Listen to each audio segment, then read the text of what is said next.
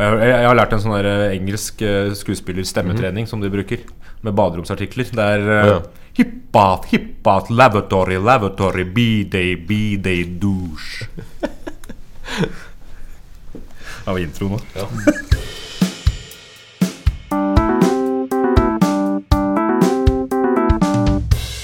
Den gang da. Hei, hei, hei, hei, hei, og velkommen til nok en episode av denne fantastiske historiske podkasten Den gang da. Mitt navn er Henning Mortensen. Med meg her som vanlig Hans Rosvald, Rosvald Hontvedt. Aldri. det- Aldri. Du har et vanskelig navn, Hans. Jeg veit det. Eh, og ved siden av deg sitter Jørgen Lie. Velkommen. Hei. Den glir bedre hver gang. Eh, vi er nå friske uthvilte etter juleferie. For dere som ikke har hørt oss før, altså, så er vi tre historielærere som sitter og prater om historie. Nå er vi fulle av fett. Ja. Dagens tema det er Afrika. Etter vi har fått noen forespørsel på Facebook, og generelt en veldig interessant tema. Men ikke bare Afrika, for Afrika er jo stort, og historien er lang. Så prekolonial historie har vi vel landa. Ja, Eh, sånn, sånn cirka før 1500-tallet. Ja. ja. Man er litt uenig om hvor man definerer kolonitid. Ja. Ja, Fra 1500 eller imperialismen på 1880-tallet. Men vi, kan, eh, vi beholder oss til før 1500 i dag uansett. Ja, men Det er jo et tema som eh, er jo veldig interessant, men også er faktisk ganske aktuelt. Fordi det er jo i europeisk historieforskning, historieskriving, vært skrevet lite om nettopp prehistorisk eh, historie, eller prekolonial historie i Afrika. Rett og slett for eh, i gamle dager, når europeerne på generelt basis var ganske rasistiske, Ja. mente at det var ikke noe interessant som skjedde i Afrika før vi kom dit. Nei. Det er jo um, Det er fint sagt. Det er bra man endra på det. Ja, fordi man har jo skjønt da, ettertiden som man har blitt litt klokere, at det var jo, har jo vært mye interessant som har skjedd. Og det er jo det vi skal se litt på i dag. Ja.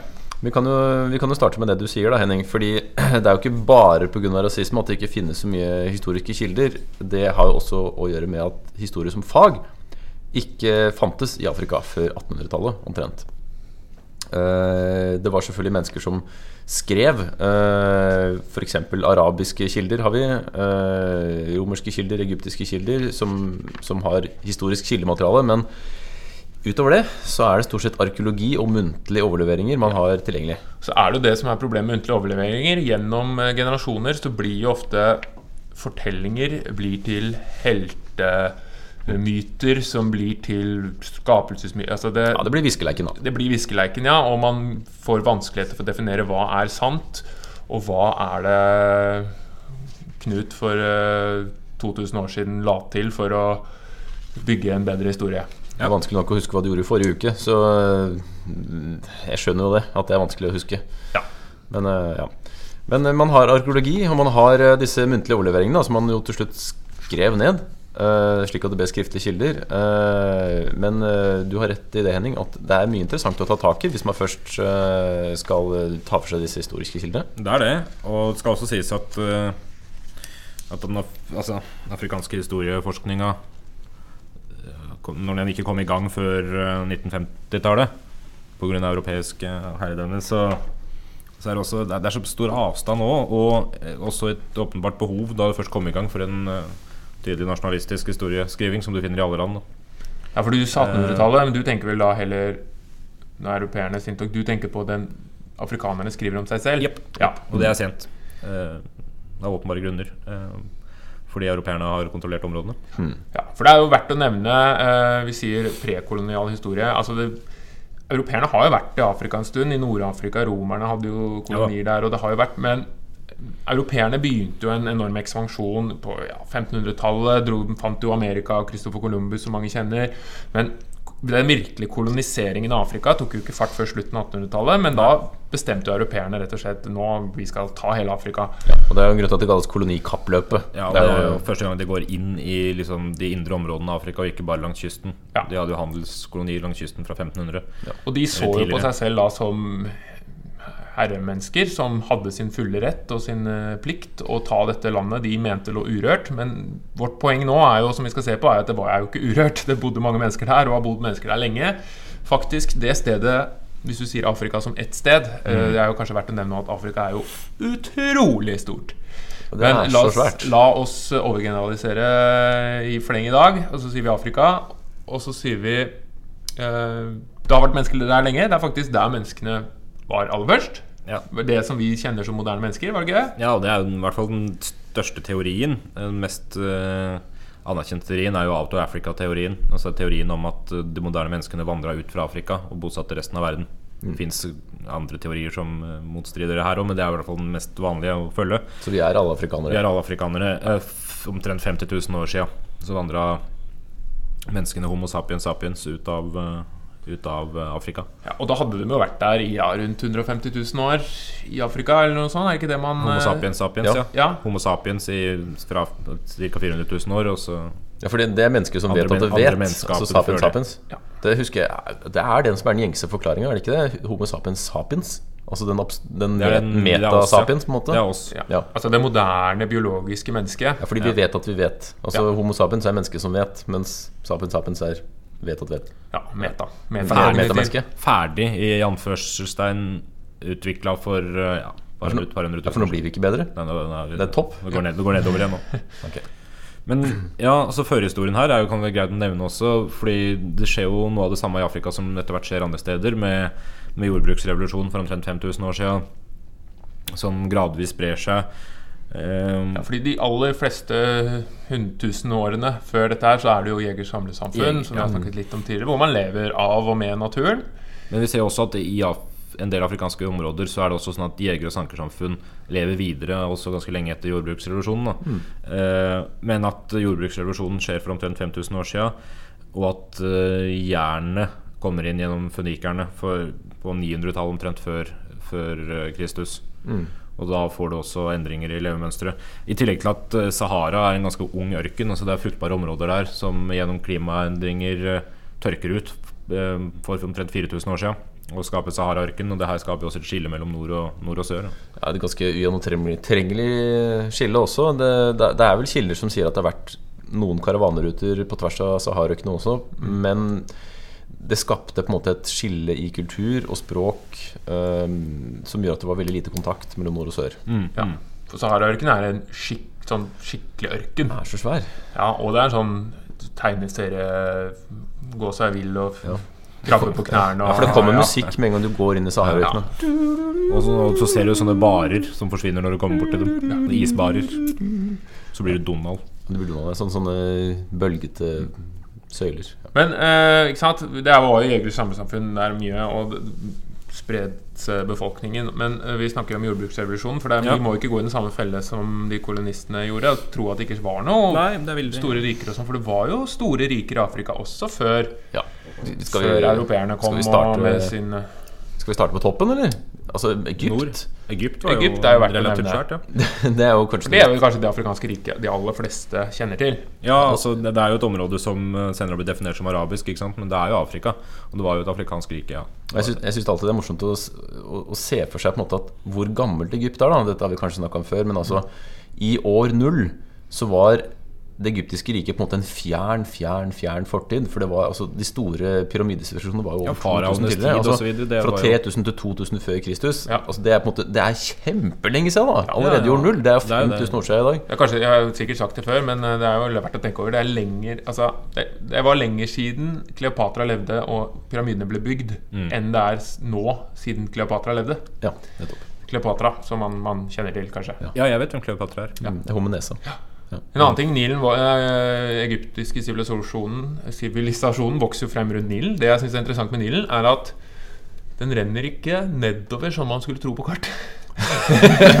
For jeg tenker automatisk når jeg ser en elv på kartet, at den renner nedover. Nedover, ja. ja. Så hvor slutter den å renne nedover hvis den går over et fjell? Ja, men den renner jo på en måte oppover på kartet, da. Det er ganske sjukt. det? Ja, det er ganske sjukt. Det, det kommer an på hvilken vei du holder kartet. Men, Men, men, eh, men ja, i seg sjøl eh, altså, Det er en grunn til Europa i midten, det er jo det man har, er det ikke ja, ja, sånn er ja, ja, jeg tenker det. Midtens Eh, rike, som vi kaller i Europa. Men det er grunnen grunn til at eh, folk bosetter seg ved elver. da Og Nilen er jo en gavepakke for de som vil dyrke jord. Fordi den i seg sjøl gjør at du slipper å drive det som kalles med et kjedelig historisk ord for vekseljordbruk. Altså at du må bytte Ja. jordlapp fordi du utarmer jorda. da Altså jorda blir fattig på næringsstoffer.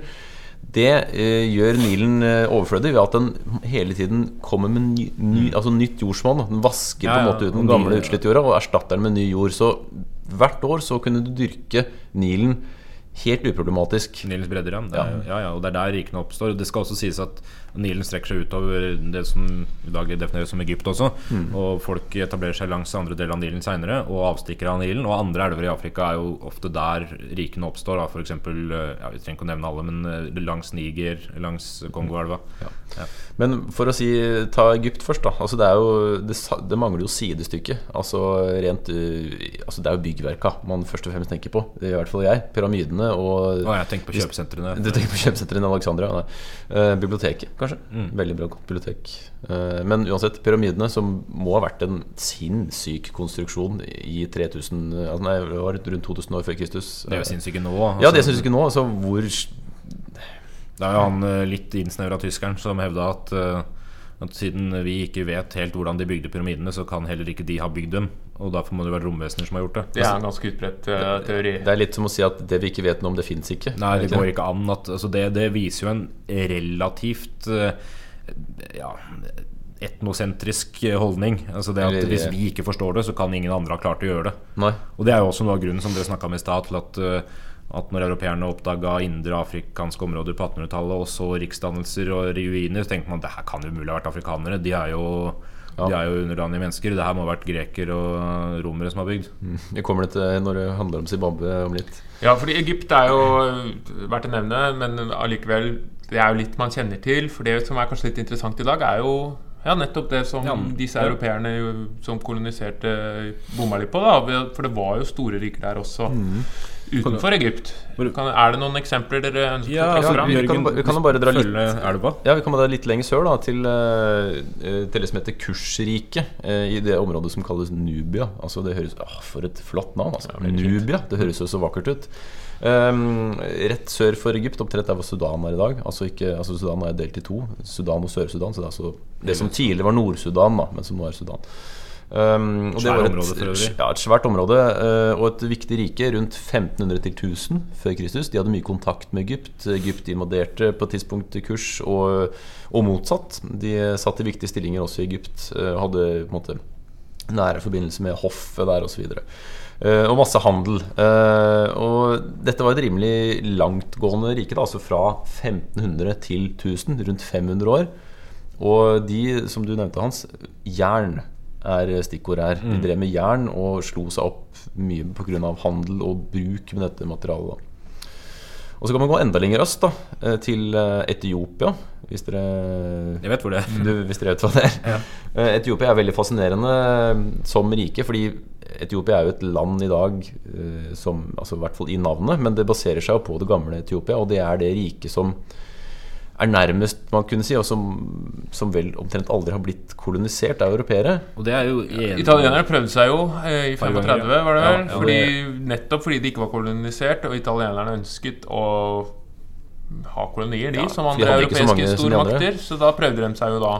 Men, Etiopia. men det var en fem-seks år, og så ble det eh, i- alliert uh, invasjon. Og så ble da Haile Selassie gjeninnsatt, han som var keiser da. Men før det, fra rundt 1200, så er det et sammenhengende keiserrike helt fram til 1974, faktisk. Og det er enestående, fordi vi ser Vi skal jo snakke mer om det, men vi ser mange tendenser til riksdannelser osv. Og, og, og, og samfunn i afrikanske områder eh, i tidligere tider. Men de fleste av dem går på et eller annet tidspunkt under, slår seg sammen, blir erobra andre folkeslag osv. Og så og så er dagens land delvis henta med inspirasjon fra de gamle rikene i navn osv., men også i stor grad delt inn av europeerne på 1800-tallet. Så sånn sett er Etiopia Ja, veldig- Ja, sånn sett er Etiopia veldig eksklusivt. Men vi kan- Det var en, eh, en liten sidehistorie men en etiopisk keiser, jeg husker ikke akkurat hvem. Men uh, når europeerne kom inn, og det var, de kan komme inn med nye teknologiske nyvinninger og sånn, så fant han ut at å, e- elektriske stol, det er flott.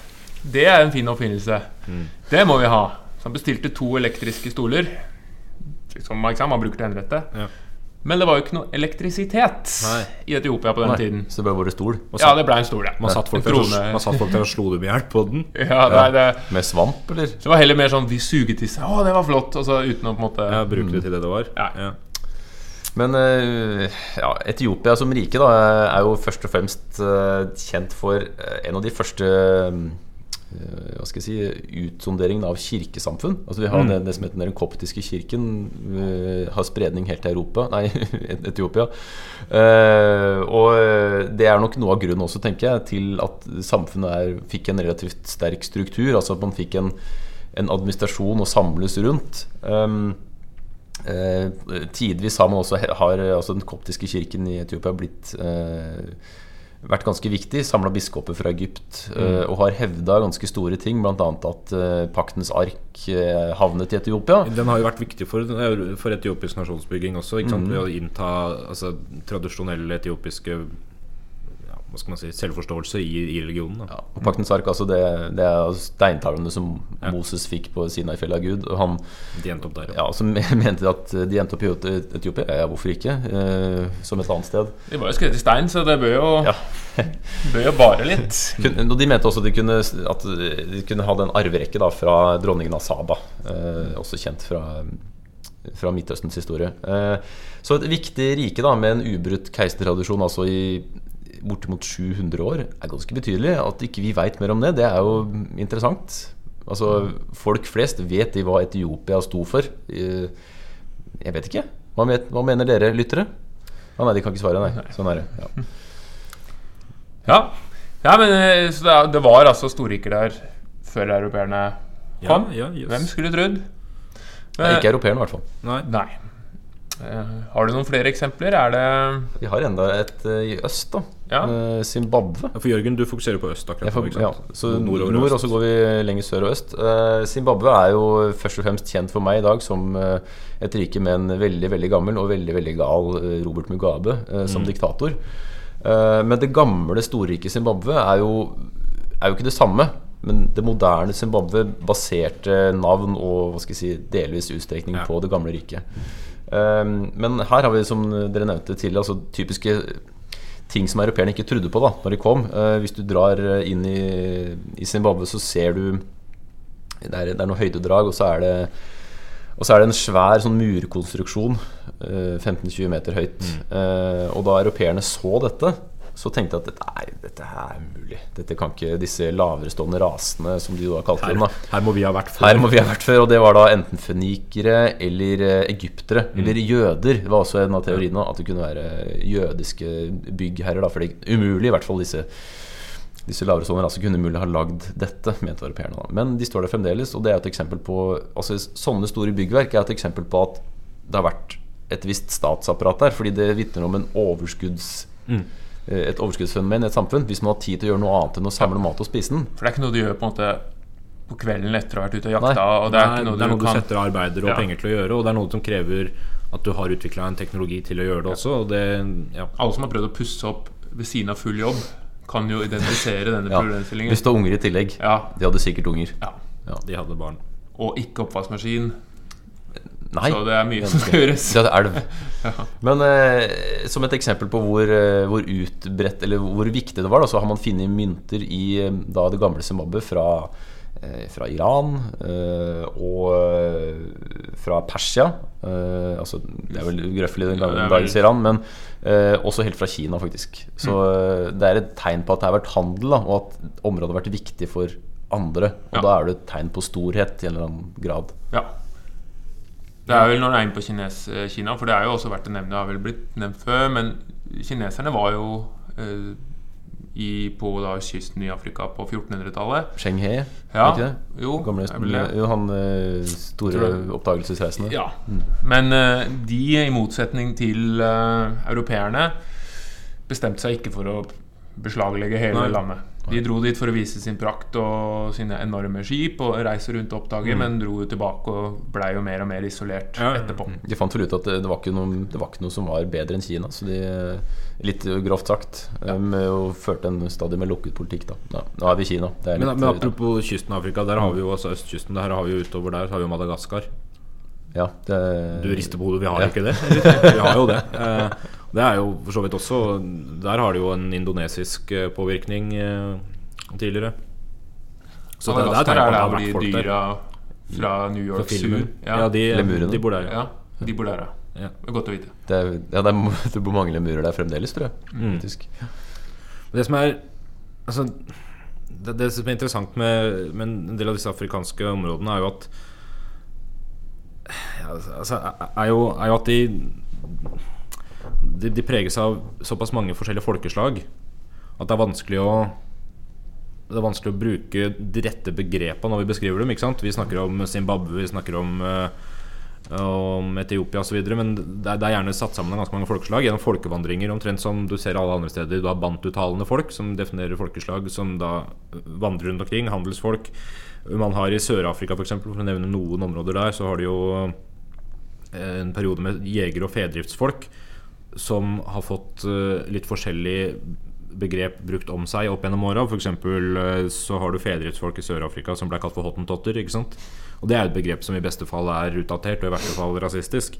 Uh, vi kan bruke koi-koi om dem. Sammenslåing i koi-sandfolk, men da tar du med sandfolket, som er jegerne, som ble kalt buskmenn. Uh, men, og, det, og, det, er jo også relativt gærent å bruke, men samtidig så er sann-begrepet, san-folket, heller ikke helt uproblematisk, for det kan også ha negative Eh, undertoner, også fordi det heller ikke er helt dekkende. Så det er, det er vanskelig å Det er glidende overganger mellom folkeslagene. Um, så sånn at det, det, er en utfordring man støter på når man snakker om disse områdene her. Og jeg tror Jørgen har et godt eksempel på noe. Ja, jeg har bare en historiebok her fra Det er jo alles kjære Jarle Simensen, som er kjent for de som har studert historie på Blindern. Og her, dette er en bok fra 2003? Nei, den er eldre, men, den eldre. men, den eldre, men den siste redigeringa er i 2003. Og vil, For å komme med litt kritikk, så bruker han begrep der som er utdatert. F.eks. så enkelt som at han bruker eh, navnet Saire når det gikk ut av bruk i 1997, så har de ikke giddet å redigere det i 2003. Nei. Så litt kildekritikk må jeg kunne komme med her. Ja, og det kommer litt mer her, fordi eh, apropos folkeslag, dette er jo, dette er jo touchy tema. Man skal snakke om folkeslag og menneskeraser. Ja, fordi det er, en, det er en sånn vitenskap som delvis har blitt forlatt.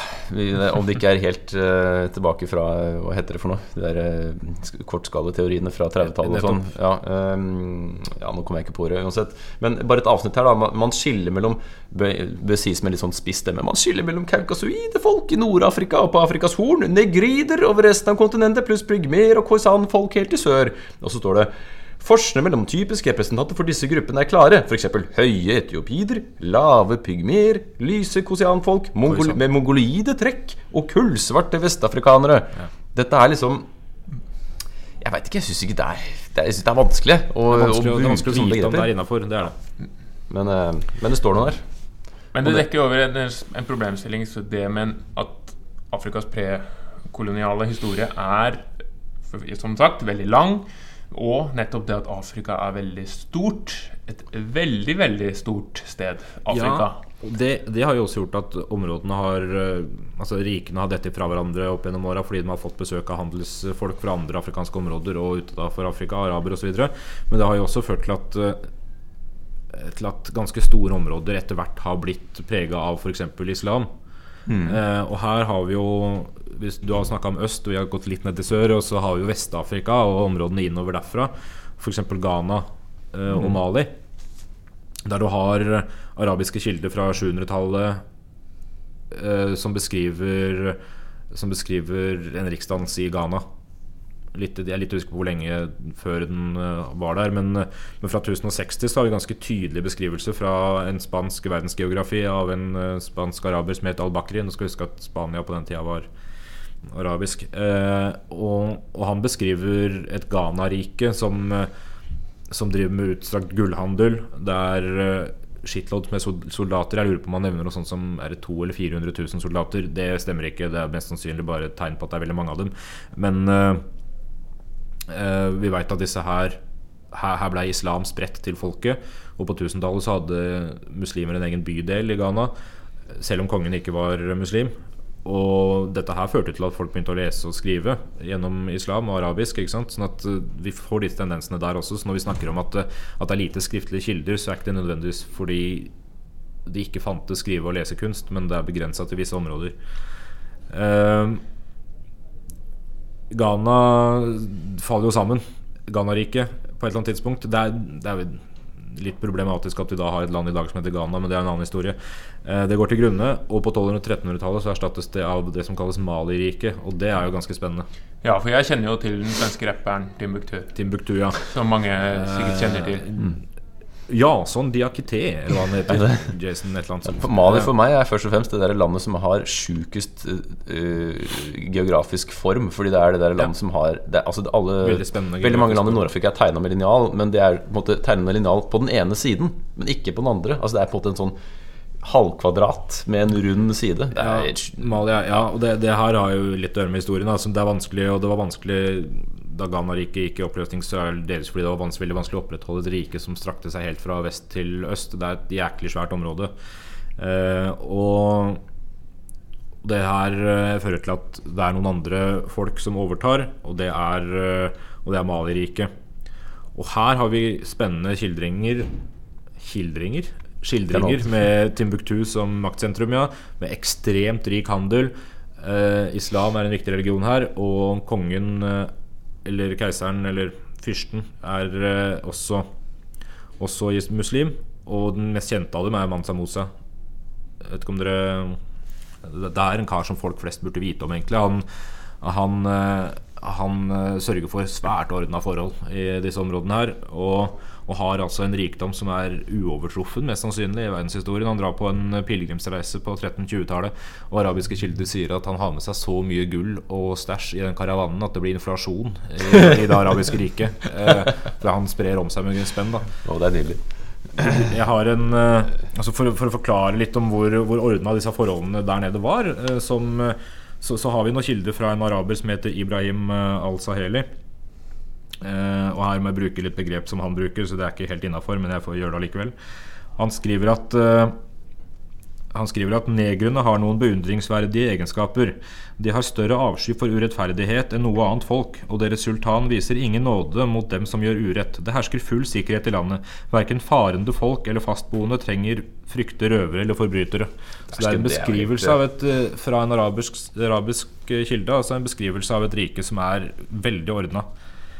Som knapt kan finnes en dag i dag. Altså, Det er ikke sikkert at det er så heftig nei, nei, som men, han men bare det at man, at man er inne på tanken å skrive det, tenker jeg at det er et tegn på at ja. det har noe rot i virkeligheten. Da. Ja, ja, ja. Litt sånn som i Nord-Korea. Det er veldig ryddig og ordna forhold der òg. Forbrytere blir straffa hardt, altså, så skal ikke, så det er veldig pent. Det er veldig trygt og rent. Så, men eh, vi ser tida går litt. Men vi har jo gått litt inn på eh, dette her med eh, prekolonial historie. Men det er jo verdt å si litt om også europeernes uh, inntog, da. Uh, 1500-tallet begynner jo, altså 1600-tallet så er det i hvert fall Fra 1650, slavehandelen skyter fart. ikke sant, er nederlenderne i sør, og, og ikke minst slavehandel. For det er jo ikke bare fryd og gammen i afrikansk historie. Det er verdt å Nei, og det skal si altså, Vi sier 1500-tallet, men uh, portugiseren er der en god del stund før det også.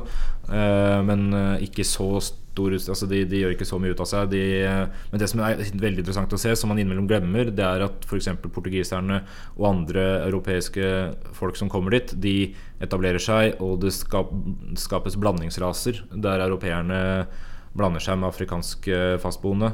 Og de blandingsfolket, de, de får etter hvert herskerstatus her og der og blir viktig i de forskjellige samfunnene som etableres. Men, men ja, man begynner med slavehandel, men det er jo fordi slavehandelen er i utstrakt bruk allerede. Det er mye slaveri i Afrika før europeerne kommer. Mm. sk- rekker vi en liten sveip også innom uh, altså en, Vi har vært innom Sahara som en sånn eh, uoverkommelig barriere. Altså Europeerne møtte jo andre ting når de uten å foregripe for mye, men sykdom f.eks. Altså det, er det er en grunn til at kontinentet Altså Sykdom har eh, formet folkeslag og kontinentets utvikling. Fordi Helt klart. sør for Sahara så er det en del flere problemer enn nord for Sahara. Eh, hvis jeg bare nevner et par eh, sykdomstilfeller altså Malaria er velkjent, og det var jo Ja. den store problemer for europeerne også da de kom dit. De hadde omtrent ikke noe å bytte på var kinin, var det ikke det? Som, ja, og det hjelper jo ikke veldig mye. bra. Og det skal også sies at eh, jeg vet at eh, eh, europeerne begynte å dra dit, så døde vel én av to europeere i løpet av de to første åra de var der. det var rimelig tøft da. Men, eh, og ikke bare det, men altså man hadde andre ting. altså Malaria er jo en ting. Den eh, kommer fra mygg og er en dødelig sykdom. Og den dag i dag så smittes veldig mange av malaria. Har noe Mygg er jo det farligste dyret i Ja, verden. det er det. Så i 2013-tall 200 millioner sykdomstilfeller. 200 millioner, Ja, altså mange. på verdensbasis. 500 000 døde. Det er malaria. Ja. Og det er i 2013. Eh, men den er utbredt bare sør for Sahara, fordi myggen kommer ikke gjennom Ørkenen. ørkenen. Så det er på en måte en naturlig barriere. Og det gjelder også Krabber nok mange mygg på knærne gjennom billøst gjennom ja, det er eh, mange mygg som har tappert prøvd. Men også har vi, har vi noe som heter bilhartsia, som er en sånn omtale omtales som generell slapphet. Eh, altså, du, har en snylter da, som lever i vann, og som går over til en vert, altså et menneske. Og den gjør, gjør at du tappes for energi, og det, du skader eh, indre organer. Ja, en parasitt. da Og i Afrika så er det er det, jeg lurer på om det er dagens tall, så er det halvparten av befolkningen i ja. Afrika lider halvparten. denne sykdommen. Halvparten. Og det er to tredjedeler på landsbygda, så vidt jeg vet. Og det er, det er fabelaktig omfang.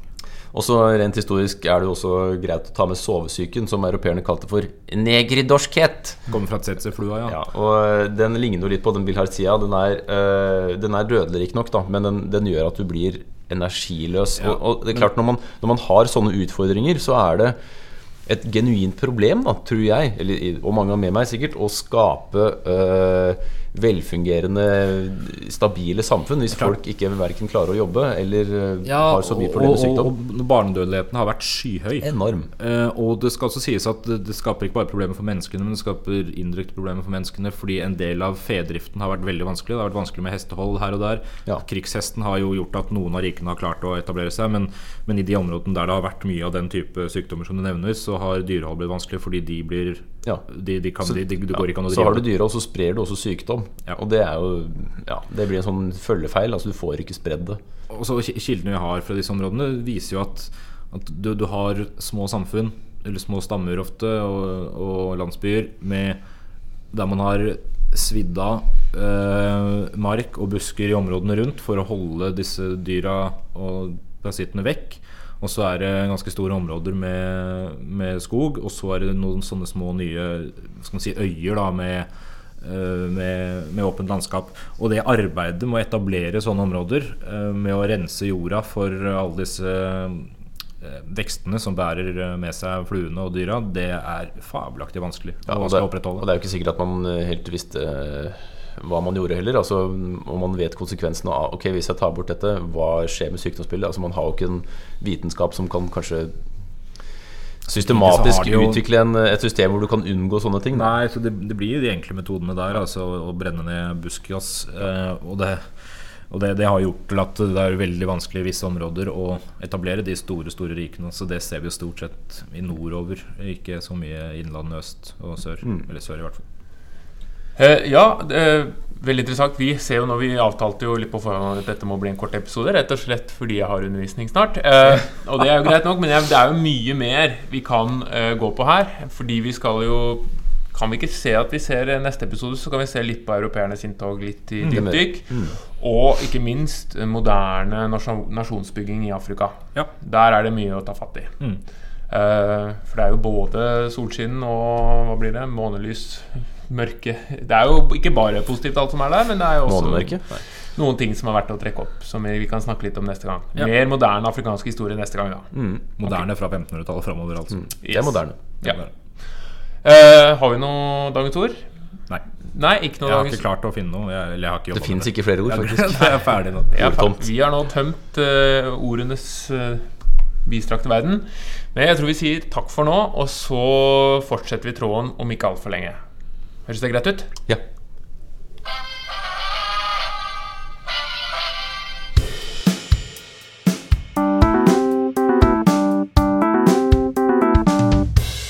Den gang da.